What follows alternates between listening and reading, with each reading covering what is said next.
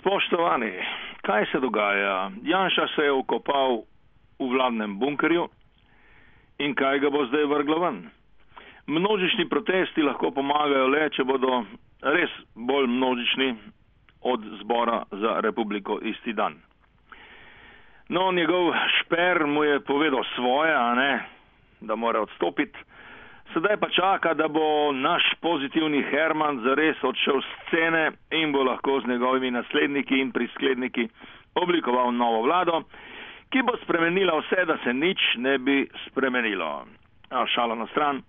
Vprašanje, kako, kako storiti pač korak naprej ne, s protesti in z aktivnimi državljani in tako naprej. In kakšen naj bo ta korak, je zelo resno ali naj ta korak ostane v idealni virtualnosti Facebooka in občasnih eh, protestov, ali naj se organizira za dolgi pohod skozi institucije, kot se je včasih reklo. Ta debata poteka, no je pa zanimivo, ne? vlasta Jalošič je že pred časom nonšalantno navrgla, protestom se nikamor ne mudi, časa je dovolj. To se bojim je še ena variacija na temo, prihodnost pripada nam, zgodovina je na naši strani. Vendar to žal ne drži, prihodnost je odprta, časa nikakor ni dovolj, ne lokalno, ne globalno. Recimo, Evropska komisija, Evropska unija je pravkar naredila še en velik neoliberalni korak v svojo prihodnost, predlaga konkurenco v vodnem gospodarstvu, torej privatizacijo naravnega vira, distribucije vode. To je treba absolutno preprečiti in to je tema za protest in to trajen protest in udarne transparente, pa še kaj drugega. Ne?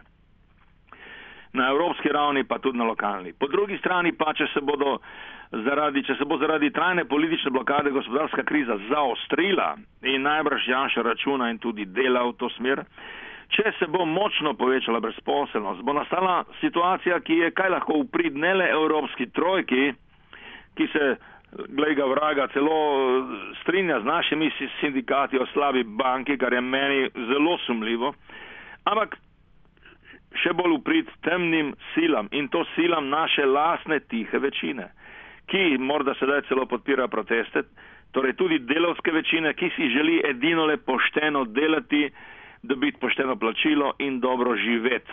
Ne. Če bo ta ideal ogrožen, se lahko marsikaj zgodi potem noben Facebook ne bo pomagal, tako kot ne v Grčiji, ne v Egiptu.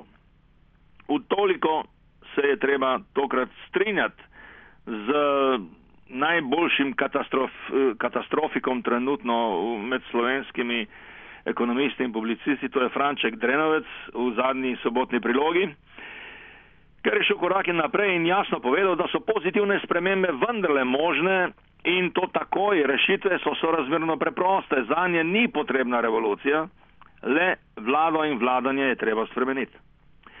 No, ne zdi se mi, da so horizont zavesti, eh, da, da se za horizont zavesti protestov giblje v takšno, recimo, realistično in pragmatično smer, ne, kaj šele leve opozicije. Pa če tudi bi bila tole evolucija in ne totalna revolucija. Ne oziroma prav zaradi tega morda.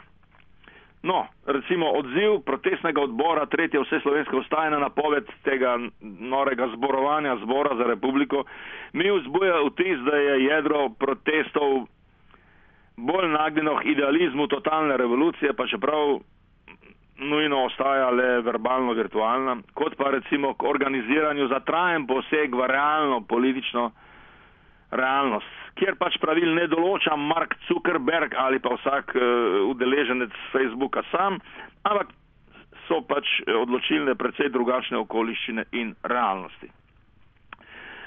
No, kaj pogledajte odziv protestnega odzbora na res patetično objavo tega kontrazborovanja. Ne, govori o nevarnosti državljanske vojne, o izzivanju državljanske vojne in celo pozove policijo naj ne dovoli proti zborovanja. Ja mislim, meni se to zdi pač strel v lasno koleno, pa kakorkoli že pomeni, ne, mladostno zagnanost, eh, zdravljenje lasnih dvomov z napenjanjem retorike ali karkoli, to sploh ni, niti ni važno. In tako na mesto organiziranega sistematična izkoriščanja vse večje nelegitimnosti in brezidejnosti tudi parlamentarne alternative in oblikovanja realističnih zahtev programov, s katerimi bi lahko šli morda celo na volitve, če bodo, ali pa vsaj mobilizirali širšo javnost, da ne bi prišlo do nepopravljivih uh, ukrepov vlade. Ne, javnost seveda proteste podpira, vendar dokaj pasivno, kar ni čudno. Odsotnost zdravega realizma pač širše javnosti, še posebej pod vplivom Pop TV-ja in sveta na kanalu A, pač ne zanima. Konkretno, vladni predlogi referendumske zagonodaje so vsekakor vredni kritike in zavračanja in v toliko so pozivi in protesti delovsko-pankrske univerze in mreže za neposredno demokracijo upravičeni.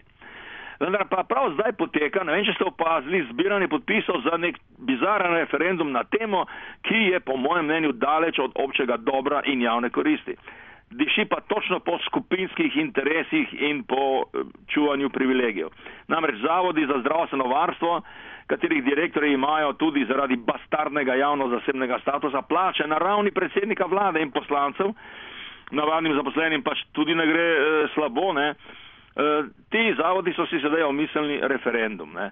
Takšne kvazi referendume, zaradi tega gre hoče pač. E, vlada oziroma novi zakon eh, nekako centralizirati in, vz, in, vzet, in vzeti nekatere možnosti za tržno delovanje ali kaj pač že vem.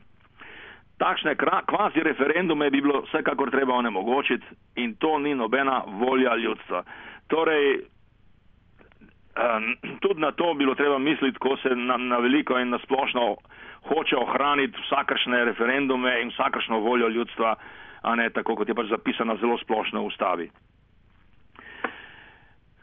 In recimo, ne, a imamo kak svoj predlog, ne, razen razpredanja o Facebook neposredni demokraciji glede referendumov, seveda boste takoj skočili, ni naloga protestov in kritike, da nudi alternativo, to je trik oblastnikov, da bi nas utišali, ne, saj tudi vi, ne, tvoja generacija, Vidmar, pred 25 ali pa 35 leti niste dajali nobenih konstruktivnih predlogov, ampak ste samo kritizirali in razsuvali in tako naprej.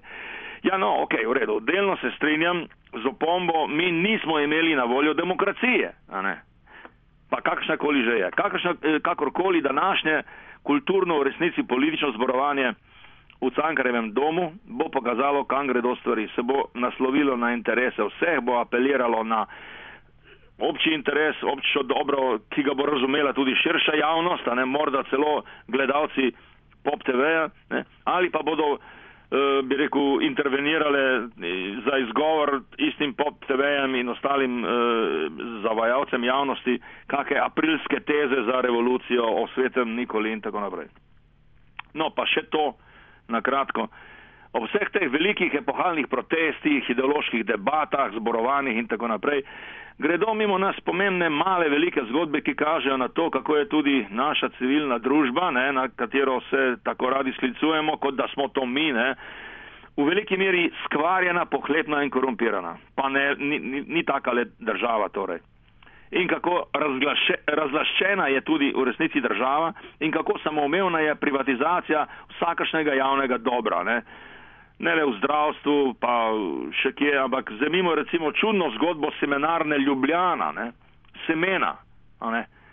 tako rekoč, rekel bi državni interes po definiciji, po mojem mnenju, ne? institucija, za katero bi mislil, da bo zaradi strateškega pomena semen v eri Monsanta in genske privatizacije cele narave v samem jedru državne skrbi za prihodnost, za, eh, bi rekel, preskrbo s hrano in tako naprej. Pa ni. Seminarna Ljubljana je privatna in večinoma italijanska in zdaj se dogajajo neke homatije, ki jih nišče ne razume, ampak lahko bo končni rezultat pač ta, da bo še kljub vsemu ostala še vedno italijanska in v privatni lasti. Ampak koga to še briga ne? v vseh teh naših velikih zgodbah, ki se dogajajo. Ali pa recimo kafkovska zgodba grde zemljiške prevare gospe Ane Čuden, smo jo videli v TV tedniku, vem, zelo nepopularna oddaja med radikalnimi krogi, katere sled vodi točno v znamenite Kučanove Murgle in v prejšnji sistem, pa tudi v sedanjost Jankovičevega najlepšega mesta na svetu. Hik rodos, hik salta, lahko noč in srečno.